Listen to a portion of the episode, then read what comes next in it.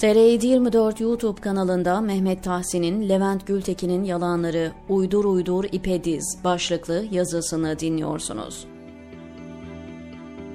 Türkiye'de gazetecilik yapmanın bedeli ağır. Mesleğin hakkını verenler ya hapse girdi ya yurt dışına çıktı.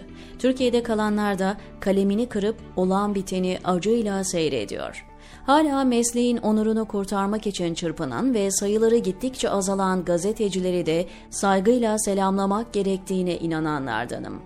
Bu yazıyı yazmamın nedeni geçtiğimiz günlerde bir YouTube kanalında gündeme dair değerlendirmeler yapan Levent Gültekin oldu.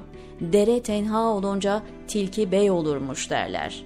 Yurt dışından yayın yapan YouTube kanalları sansürün en ağırına maruz kalırken meydan Levent Gültekin gibilere kaldı.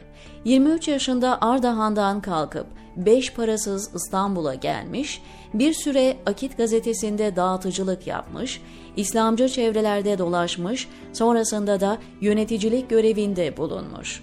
Medya kuruluşlarında elle tutulur bir başarı gösteremediği halde nasıl olduysa hatırı sayılır bir servete kavuşmuş bir insan. Şimdilerde muhalif mahallelerde AKP eleştirisi yapıyor. Ağzı laf yapıyor, muhatabının duymak istediklerini söylüyor. İktidara yönelttiği eleştiriler AKP'yi muhalif kesimi kendinden geçirecek kadar mutlu ediyor. 5-6 yıl kadar önce kendisiyle bir yazışmamız oldu. Siz de AKP'nin kurduğu medya düzeninin bir parçasıydınız dediğimde ben hiçbir zaman AKP'ye yakın olmadım. Hayatımda hiç oy vermedim. İlk kurulduğu günden beri itiraz ediyordum. İdari anlamda yöneticiydim. Yayın işlerine hiç karışmıyordum cevabını verdi ve eski arkadaşlarıyla dostluğunun da diyaloğunun da olmadığını yazdı. Ancak daha sonra sızan belgeler hiç de öyle olmadığını gösteriyordu.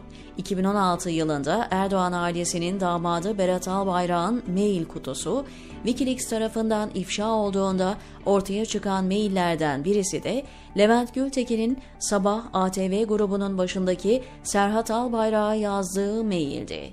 Gültekin o zamanlar başında bulunduğu TMSF'nin elindeki Sine 5'in sürekli zarar ettiği için satılacağını, kanalı Serhat Albayrak olmasa bile onlardan birinin alması gerektiğini yazıyordu.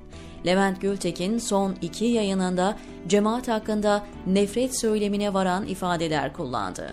Cemaati bir terör örgütü, hala destekleyenleri de vatan haini olarak kabul ettiğini söyledi.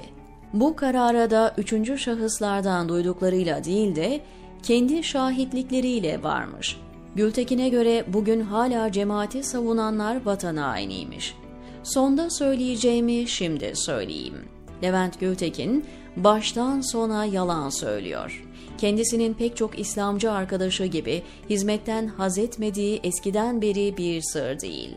Ancak bugüne kadar bu denli ağır bir dozda saldırdığı olmamıştı.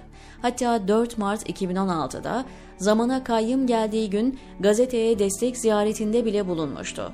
Peki şimdi ne oldu da birdenbire coştu?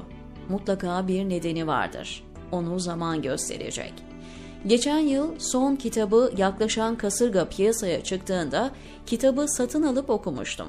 O günlerde kanal kanal dolaşıp aslında kitapta olan her şeyi detaylarına kadar anlatmıştı zaten. Bir şey hariç, o da kitapta cemaate dair yazdıklarından bahsettiğini duymadım. Belki de bahsetti ama ben rastlamadım. Levent Gültekin'in cemaat eleştirileri klasik cemaat düşmanlarının içi boş argümanlarından ibaret. Ergenekon, balyoz davalarının kumpas olduğu, cemaatin devlette kadrolaştığı vesaire savunuyor. Cemaatin kendi kadrolarına yer açmak için muhafazakar insanlara bile kumpas kurduğunu iddia ediyor. Muhataplarını ikna etmek için de üçüncü şahıslardan duyduklarım değil, ilk elden tanık olduğum şeyleri anlatıyorum diyor ama kendi tanıklığına dair tek bir vaka yok. Anlattıklarının tamamı ikinci el tanıklıklar. Levent Gültekin'e göre İstanbul Emniyetinde İmam Hatip Lisesi mezunu bir daire başkanı, bir fuhuş kaseti yüzünden Erdoğan'ın hışmına uğramış ve görevinden alınmış. O da mahkemeye giderek kendisini aklamışmış. O zamanlar STV'nin başında olan Hidayet Karaca bu kişiyle karşılaştığında kusura bakma sana haksızlık ettik ama o makam bize lazımdı demiş. Tamamen yalan.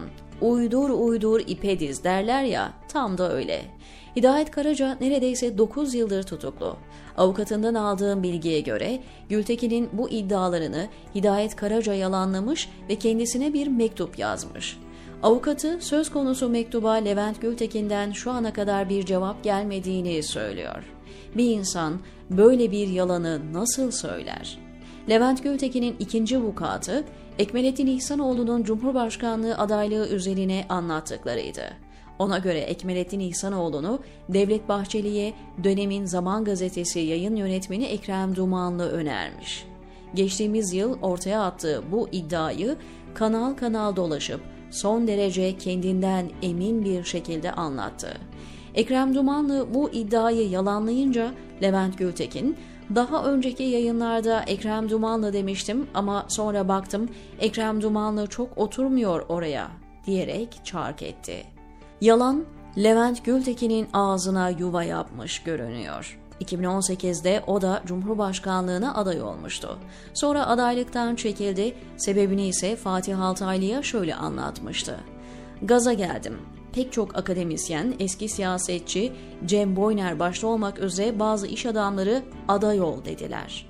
Bu da yalandı. Fatih Altaylı'yı arayan Cem Boyner, Gültekin'i tanımam, hiç konuşmadım kendisiyle demişti. Kendisini Kemal Kılıçdaroğlu'nun adı konmamış danışmanı olarak tanımlayan Gültekin'e bir yalanlamada CHP'den gelmişti. Levent Gültekin'in son yayınlarında ortaya attığı başka yalanlar da var. Tabii karşısında cevap verecek kimse olmayınca rahat rahat iftira atıyor. Söyledikleriyle ilgili delil soran yok. İflah olmaz cemaat düşmanı olunca Yalanın da sınırı olmuyor elbette.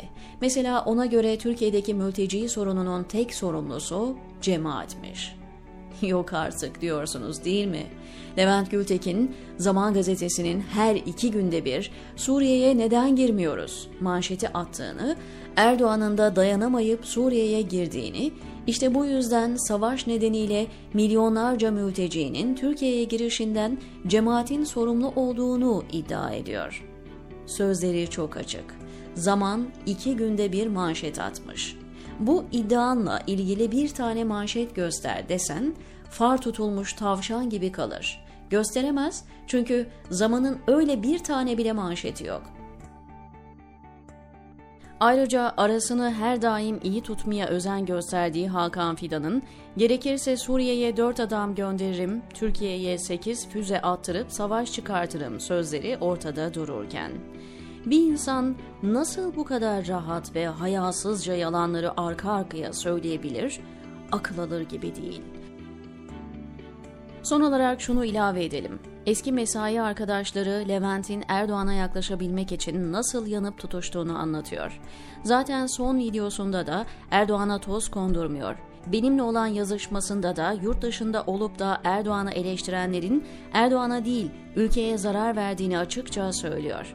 Şimdilerde ülkenin içine sürüklendiği felaketin sorumluluğunu cemaate yıkıp Erdoğan'ı aklamak belki de asıl amacı diyor Mehmet Tahsin TR724'teki köşesinde.